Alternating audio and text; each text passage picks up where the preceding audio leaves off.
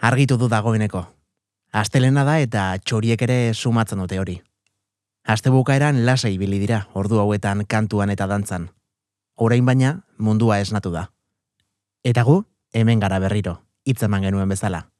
Ongi etorri zure ispilura.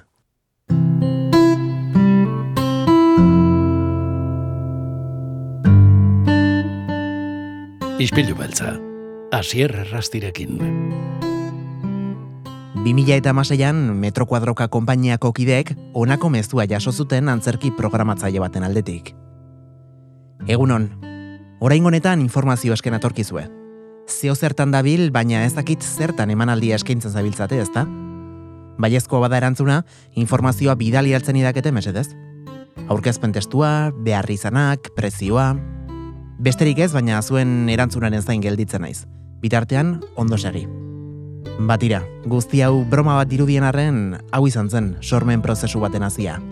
Bertatik eh, jaio zelako, zio zertan dabil, baina ez dakit zertan izena duen antzerki obra.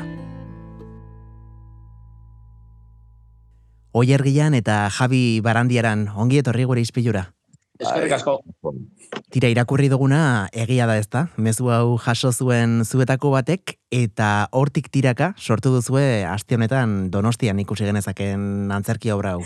Bai, eh, ondo esan duzun bezala, bueno, ba, anekdota hori gertatu zen, hau da, eh, programatzaile batek existitzen ez zen eta zeo zertan, baina ez da ez zertan titulua zera obra baten informazio eskatu zegun eta kriston grazia egin zegun konturatu ginenean, hasian ez genuen ulertu, baina konturatu ginenean, ba, segureski programatzile batek besteari galdetuko ziola. E, metro kuadroka zeo zertan dabil, besteak erantzun gutzion noski, zertan dabil, baina ez dakiz zertan, eta arek pentsatu ba, ba, hoxe bera zela egiten nahi ginen, eh? Eta, bueno, hain graziosua iruditu zitzegun, gogatzen ez, ba, esan geniola programatzaile, bueno, ez dakit noiz, baina noiz bait obra hori egin egingo dugu.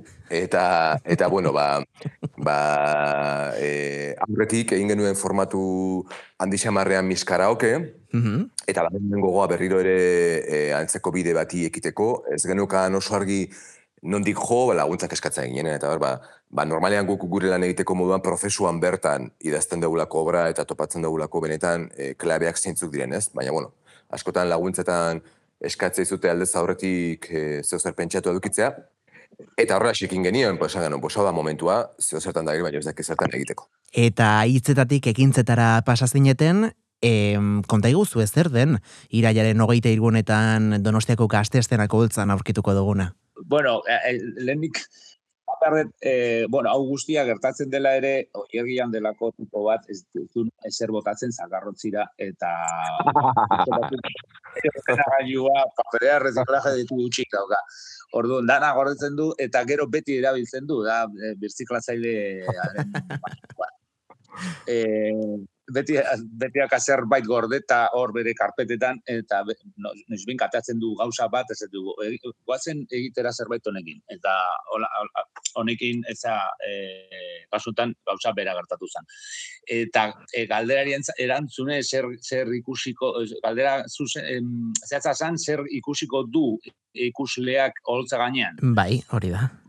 Eh, depende galdera nolako bai, vale, pues mm, nik uste mm, ikusiko duena ikusleak estenatokian izango da hiru antzesle evoluzionatzen ideia baten inguruan e, euliak bezala e,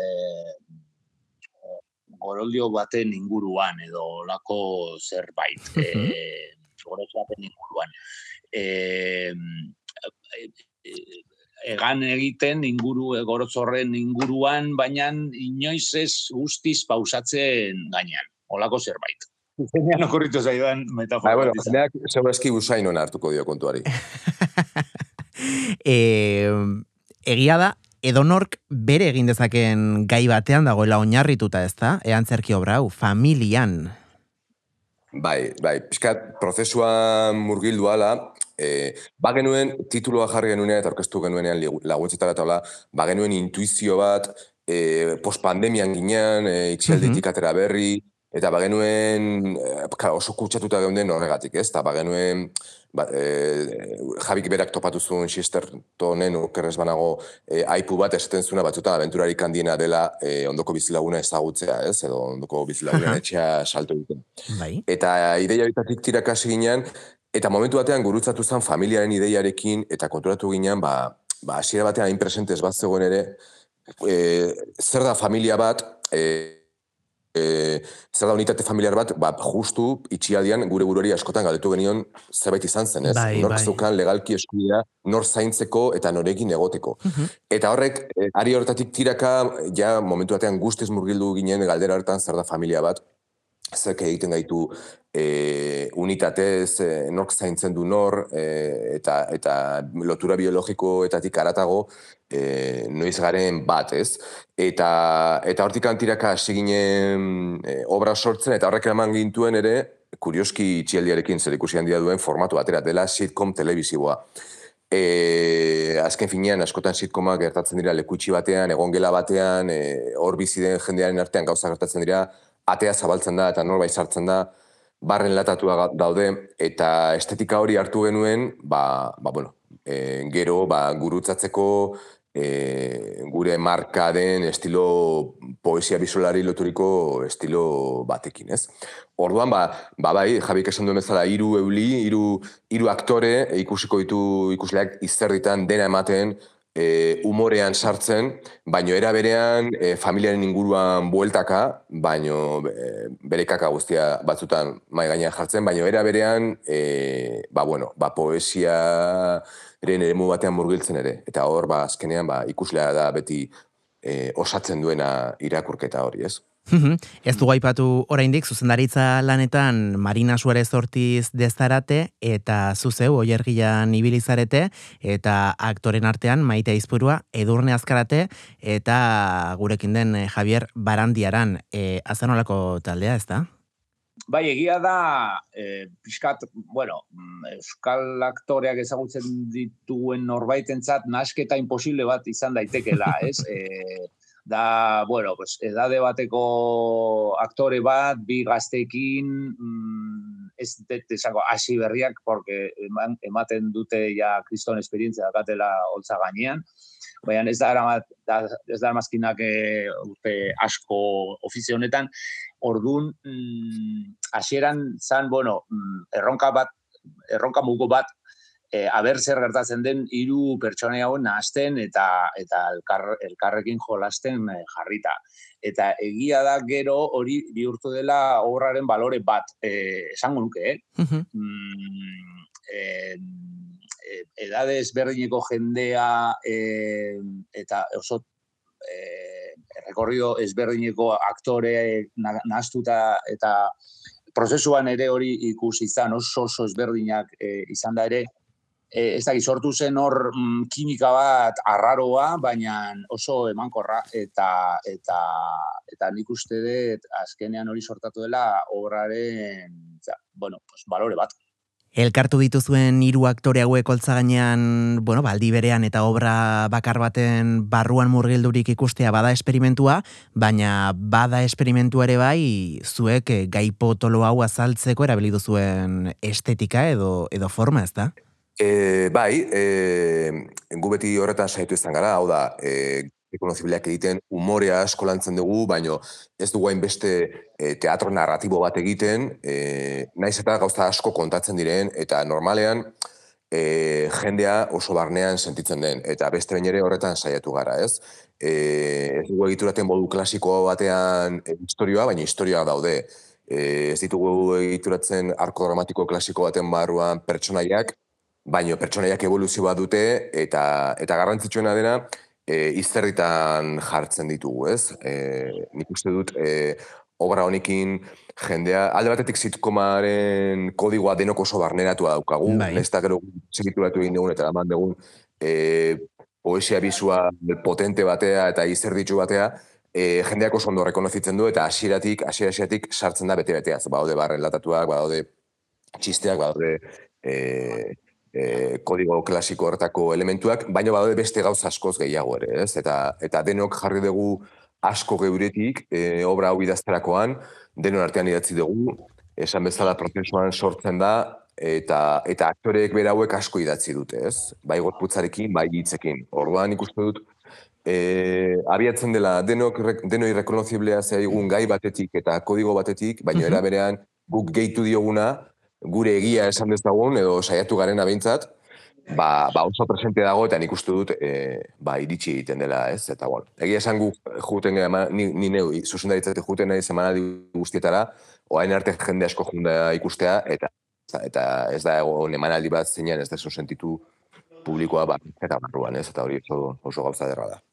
Horixe... bai, ere, bai. esan, gehitu nahiko nuko gauza bat, da, e, bueno, metro kuadrogaren betiko estiloari gau, e, orain gontan e, marinan presentziak eman diola beste buelta bat, eta hori or, or, adibidez, e, ikusle asko gaipatu izan dute e, estetika visual aldetik, e, beste nunbaitera eramandula metro kuadrogaren lana marinak e, da pertsona bat mugitzen dena e, disiplinen artean e, arrain bat itxasuan bezala, eta dauka hanka bat e, e, arte plastikoetan eta beste bat arte estenikoetan eta hori asko asko pisu handia eduki du prozesuan eta eta emaitzan e, ba, irudia, irudi oso oso berria eta oso e, modernoa esango nuke ere.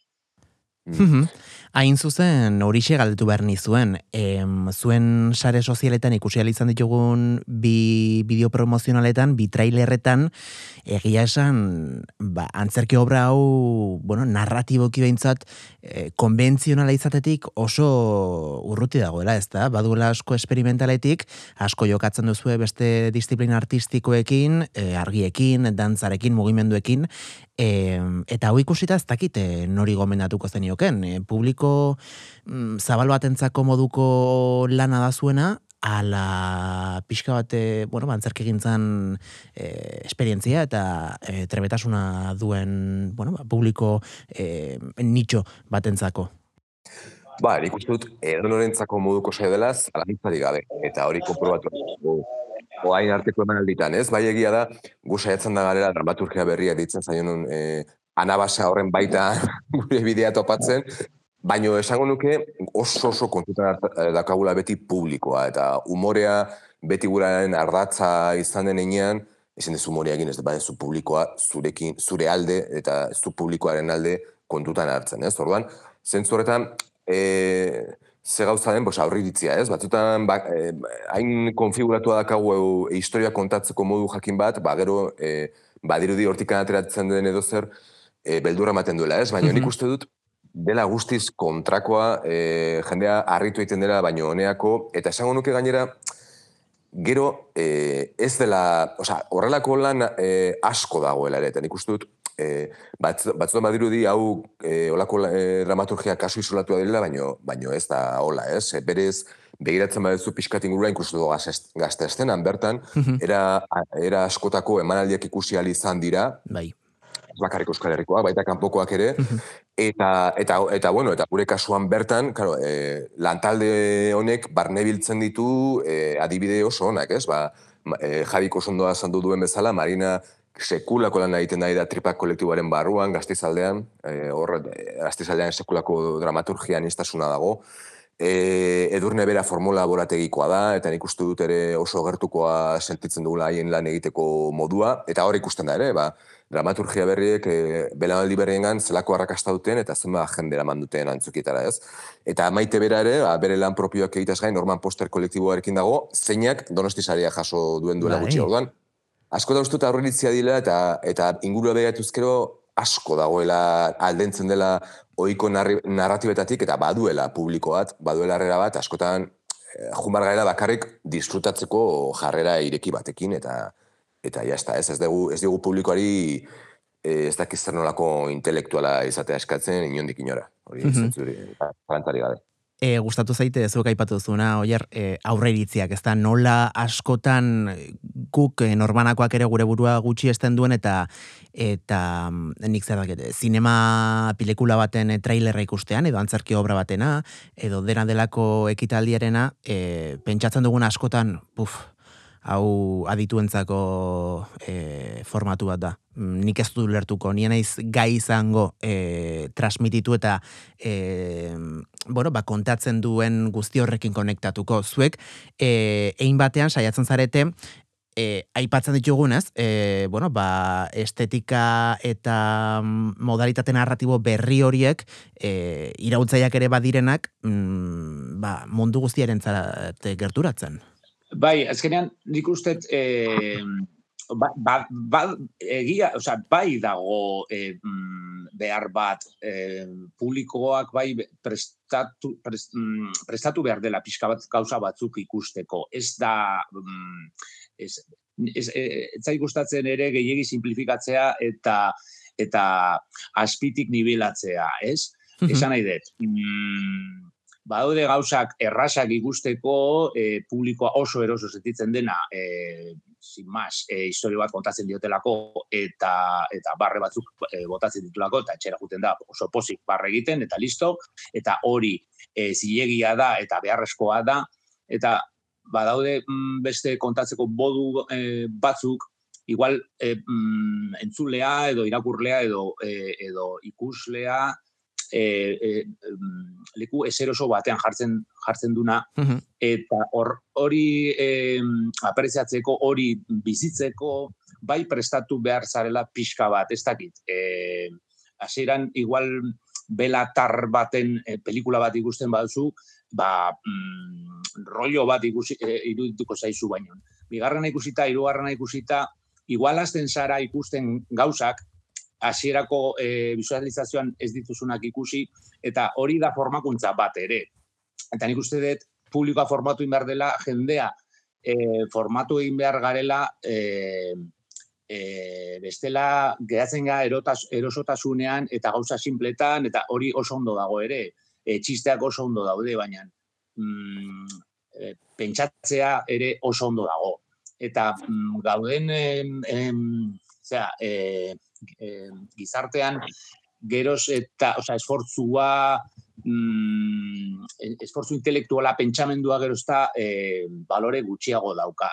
Eta nik uste dut kulturaren eta kulturera gilen e, mm, lan bat dela e, hori e, horri buelta batea eta eta gizartea ba pentsatzen duen gizartea bat e, bilakatzea.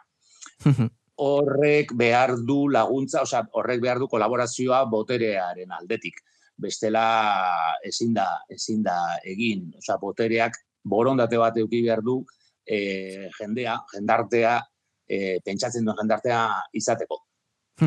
E, guk lantaldean e, askotan aipatzen dugu ez, nola e, beste disiplina askoren artean zuena, antzerkian, e, bueno, ba, antzoki batera joatean, badirela obra asko izugarri gozatzen duzula momentuan, baina ondoren mm, tira, bareto hortatik ateratzean e, hortxe geratzen dela obra, ez? E, antzoki barnean. Zuena, imaginatu nezake oraindik e, ikusteko aukerarik e, izan ez dudalako, e, badela, ez da? E, obra hori etxera eramaten duzun horietakoa eta usnarketarako bidea zabaltzen dizuna. Hombre, ba, ez dakiz esan. nahi nuke ez, e, e, noski esan gabe doa, ba, ba, arrastoa dauztea, edo bintzat etxera matea, edo bintzat e, jabik esan duen moduan, ez erosotasun interesgarri bat sortzea, mm -hmm. eta zer mugitzea, e, ni, ni bintzat horrelako lanekin disfrutatzen dut gehien, ez? Ba, juten ez zenean zerbaitea, eta mugitzen dianean, eta mugitua jarretzen duanean, eta horrek kreatibo sentiarazten nauenean, ez? Eta, eta ez produktu itxi bat e, ikusita gortu egiten dena. Baina, bueno, e, guk zesango dugu, ba, pues nahi genukela, eta hori dela gure itxaropena, baina, baina, bueno, hori publikoak esan behar du, ez? Eta, eta ez nintzateke hausartzen esaten, bai, ala da. hori, hori hori ba publikoak esango du. Ba, ez dugu ere ez dugu ere jendea traumatizatu nahi, ez dugu jendea etxera jutea nahi eh, holan kriston eh, korapilloa buruan eta hori. Baina bai eh, aipatuko esango duke eh, zer, porque hori gertatzen zaigu askotan lenguan igandean e, estropaetan donosti, nonitzan parranda, eta e, zaidan e, azpeitiko tipo bat, kriston txapa eman zeana, ez nion erdila ere ulertu, baina ulertu niona, e, ulertu nion gauzetako bat izan zen, e, zeu zertan da joan zertan ikusi zula azkeitin, eta zula zel ulertu. E, eta ni bai, ados, oso ondo, baina, eta niri ere gustatzen zait, zerbait ikusten duenean, ez ere zulertzea, eta hor eta segituan egitea galdera zergatik ez dute zer ulertu ez, eta ez, eta ez geratzea, ba, ez dut ulertu eta ez zait gustatzen, bai, igual ez dut ulertu eta ez zait gustatzen, eta punto, edo ez dut ulertu, baina zergatik ez dut ulertu, eta galdera horrek ni bultzatzeaz eh, eh, ekintza batetara, eta, bale, bos, igual eske ikusi behar dut, edo igual irakurri behar dut horren inguruan zerbait, edo igual eh, zer dakat nik buruan, zergatik eh, hau ez zait eltzen, edo zergatik... Eh, eta hori da nik uste gertatu behar dena e, sorkuntzan eta eta artean eta e, kulturan e, orokorrean. Ba, begira jabi jarri duzun adibidearekin, gonbidatuko dugu gure lagunazpeitiarra berriro donostiera, iraiaren hogeita iru honetan gaztestenara, bertan ziur bihotza zabalik eh, joaten bada, gauza asko deskubrituko dituelako, gauza asko ulertu eta batez ere sentituko dituelako, eta tira, mm, hemendik eh, zer esan, ba, plazer izan dela, zuek biok hemen, e, ispilu beltza saioan izatea, eta zorte hon, zuen ikuskizunarekin. Mi esker zuei. Bai, eskerrik asko. Horren arte. Ispilu beltza podcasta entzun gai duzu Spotify, Apple Podcast, Google Podcast eta beste hainbat audio plataformatan.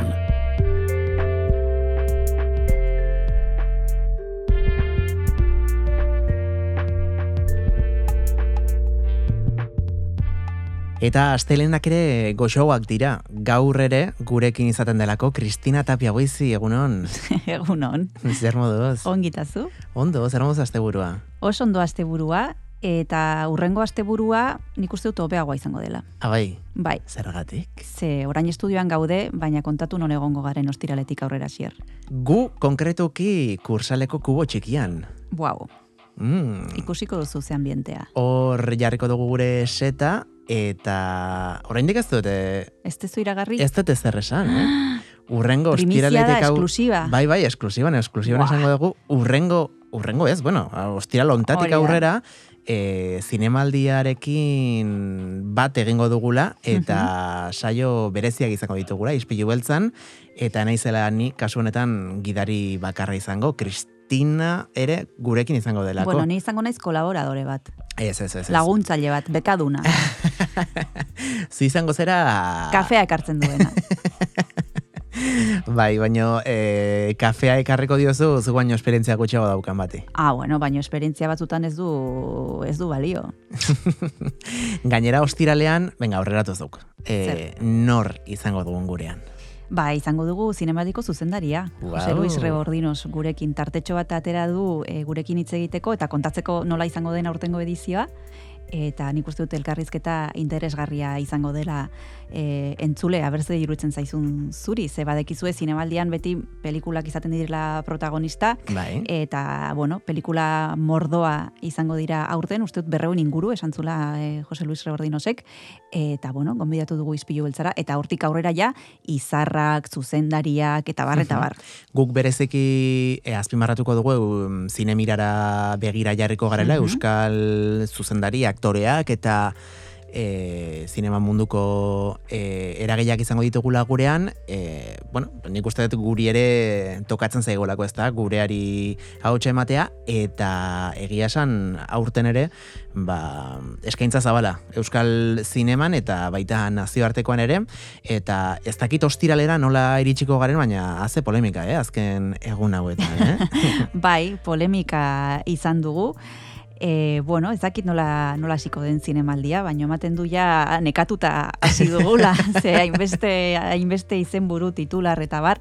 Baina, bueno, guk pelikulak ikusiko ditugu, gero protagonistekin hitz egingo dugu, eta, bueno, eta hemen han egongo gara, hemen ez, hemen e, han kursalean egongo gara, eta espero dugu programa berezi horiek e, gustokoak izatea. Duderik gabe, eta oraindik bueno, ba, falta dira. E, lau egun Hmm. ia bost e, zinemaldiari hasiera emateko, beraz, mm, bitartean behar dugu zerbait gure gorputzean kulturarekin erlazionatuta eta eta horren inguruan, bueno, ba, hitz egitera zatoz, gurera. Bai, badekizue Donostia kulturak e, ez duela bere agenda eteten egunotan, eta bain gorputza ipatu duzula nik e, kirola egitea proposatu behar dizut. E, bueno, Ibilaldiak badekizue donostian badirela hainbat lekutan, eta nik gaur nahi dizut dokumendatu entzule, amaiketan bat hasiko dena egiatik e, da paseo lasai bat, egiatik e, abiatutuk, abiatuko dena goizeko amaiketan, e, bertan egongo da pertsona bat e, gida lanak egingo dituena, e, lebidun e, gaztelaniaz eta euskaraz arituko da, eta gainera, e, aurrekoan e, aipatu genuen martxa nordika, eta aste honetan ere izango dugu aukera, izango da etzi, intxaurrondotik abiatuko da marterdietan, gaztelaniaz kasu hontan, eta bukatzeko ibilaldiekin altzatik e, abiatutako ibilbide bat proposatu nahi dizut hasier iraiaren hogeita batean goizeko bederatzietan hau pixkat goizago San, Mar, San Martzial e, plazatik. Beraz, badekizue Donostia kulturak normalean e, antzerkiak e, literatura eta eta bar e, izaten ditula bere agendan, baino baita e, kirolari ere tartetxo bat egiten dio. Bai, hori galdetu behar nizun. Ez dakit Donostia kultura irratian gauden, ala Donostia kirola irratian, ez emate gauza. Bai, badekizue ibilaldiak e, bai izaten dituztela agendan, e, nik egia esan ez nituen ezagutzen, baina ikusten ari naiz pila bat antolatzen dituztela. Astean behintzat hiru E, beraz, nik uste dut, e, e, arrakasta izango dutela. E, iruditzen zait, ez? Ikusten duan Hainbeste programatzen bai, baditu, bai, bai, bai, bai, galdetu beharko diogu ardura di. Ez dakit e, Jaime Otamendi edo, edo Jon Insaustiri. E, a ber, deituko diegu, egunen batean. Bai, bai, bai, bai, deituko diegu. Esaten dute, kirola egitea oso ona dela, e, sormena lantzeko. Esaten dute. Beraz, eh. probatu beharko dugu. bai, zuetan ez gara bere biziko kirolariak, eh, esan. Bueno, a ber, noiz, saiatzen gara. Behin, noizean saiatzen gara. Ikusten ditut, eh, zure insta historiak nola igotzen zaren mendito ontor batera. Buah, edo... buah, eberestera. E, Biskate, ez dakit euskaraz nola esatzen den, e, de domingera, ez? Hombre, zuk ze uste dezu, dekateloneko zapatilekin. Baina ondo konjuntatuta beti ere. Seguro, hori bai. Beraz, kirola izango dugu, eta kirolaz gain ere beste zerbait? Kirolaz gain beste gauza bat, baina kirolarekin lotura daukana, ostiralak dantzan, badekizue plus berrogeita maostek antolatzen duen e, programa dela, e, gonbidatzen ditu adineko pertsonak e, dantzatzera, hori bai eta kirola da, esan dezakegu, ez? Bai, bai. Eta intxaurrondon izango dute itzordua iraiaren hogeita bian, arratsaldeko bostetan, beraz nahi baduzue mugitu gorputza eta astindu, e, intxaurrondora joan beharko duzu arratsaldeko bostetan iraiaren hogeita bian. Hori da, aipatu ditugun gauza guztietatik bat aukeratu, ez pasa aste honetan e, hainbeste kirole egite egiten, Bueno, naiz eta egia den urrengo astean kirolasko egiteko tarterik ez dugula izango, ez, eh? datorren astean egon gora eserita. Bai, butakaz butaka. Mm, bai, orduan igual aprobetsatu. Eta alizan ez gero, eman izena gauza guzietan. Eta eskerrak zinemaldian ez dituzten palomitak jaten uzten bueno, bai, eskerrak, bestela, joa. bestela jarriko gainateke. Bai, bai. Gauza bueno, gaiago, Kris. E, literatura, asier, e, poesiari buruz arituko dira iraiaren emeretzian intxaurrondon, gaztelaniaz, e, joan zaitezke entzule bezala edo errezitatzera zure testuak. Ordun, wow. rinkon dela poesia izena du ekimenak eta aretoa beter arte, bon, da, kasu tartea e, joateko, e, hori bai, aldez aurretik behar da izena eta hor webgunean agertzen da telefonoa, deitu behar da e, intxarrondo, e, intxarrondoko kulturetxera izena emateko, ze antza, bos, jendeak e, betetzen du aretoa, eta bueno. Ze polita e, iniziatiba, enuen ino izen zuen, eh? Bai, rinkon dela poesia gaztelaniaz izango da, iraiaren emeretzian intxaurrondon. Musikaren arloan eta pafetan eta horrelakoetan mm. mikroirekiak e, egiten dira, mm. baina nik enuen ino izentzun, eh? horrelakorik mm poesiarekin lotuta. Bai, badaukagu ekimen hau, eta gero nahiko nuke aipatu beste bat, e, plus berrogeita magosekin lotura daukan ere bai, biblioteka humana izena du, lugaritzen kasu hontan goizeko amaiketan iraiaren hogeian, gaztelaniaz ere bai, kasu hontan, eta hau e, ez dakit ongi zertan datzan, baina giza liburutegia pertsonetan oinarritzen den proiektu bat da. Elkarrizketaten, elkarrizketen bitartez bizipenak eta jakiteak trukatzen dira. Ez dakit, e, igual ba, da joatea eta hitz egitea e, ulertu doanagatik, baino interesgarri eruditu zait. Bai, liburuak ireki beharrean e, ezagutzak e, bueno, ba, entzuteko, e, irakurtzeko eta jasotzeko, kasunetan pertsonak irekiko dira ez da? Beraien barrenak e, biluztu eta... Hori da.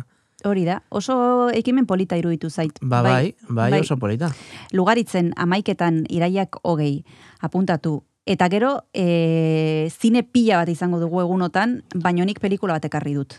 Erin Brokovich, pixkat flashback da. E, bai, bai, estreño, estreño ez da estreñua, ez da estreñua. Baina, bueno, batzutan olakoak ere, igual repasatu behar dira. Hombre, gustatzen zaizkigun pelikulak behin eta berez ikustea. Hori da, ba, Erin Brokovich ikusteko aukera izango duzuen, izan ez gero e, gaur bertan, arratsaldeko posterditan Tomasenen e, gaztelaniaz e, jarriko dute beraz altzaraino joateko asmea baldun baduzu, edo bertan bizi baldin mazara, eta arratsaldean e, nahi baduzu ikusi, Erin Brokovich, 2000 garren urteko pelikula.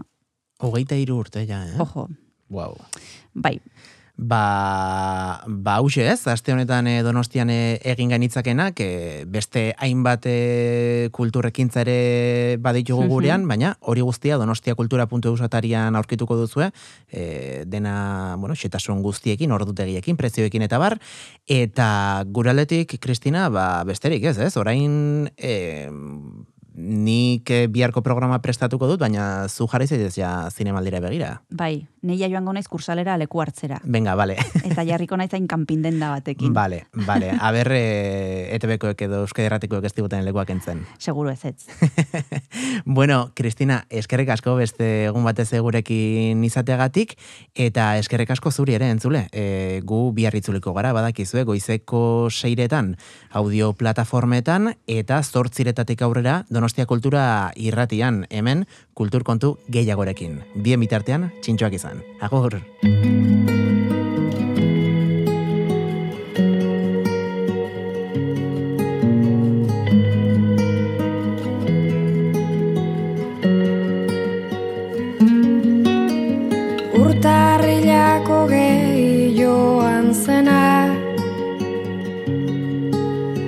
Tamborka bakoitzean paparrean odolusten bazaizu.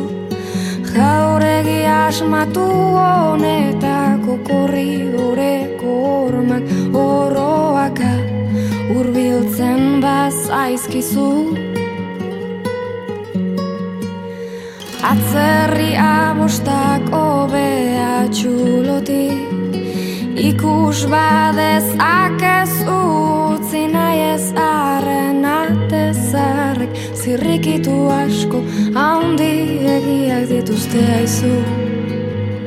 Eta bertatik isurtzen bazaituzu Aurten gogutako iraungitze datak Zertazari nahi zen badakizu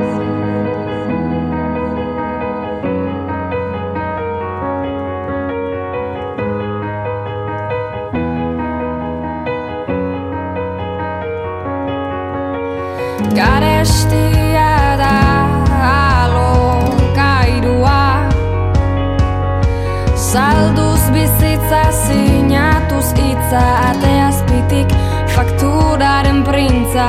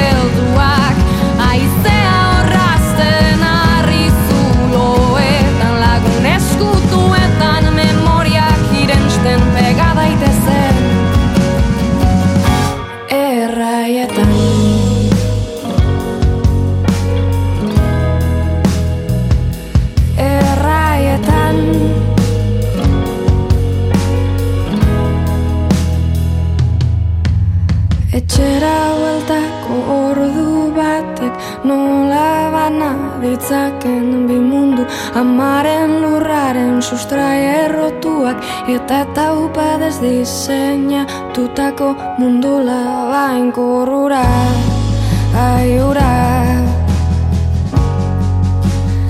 Galdu nahi ez dudan arren Telefonorik ez duen urak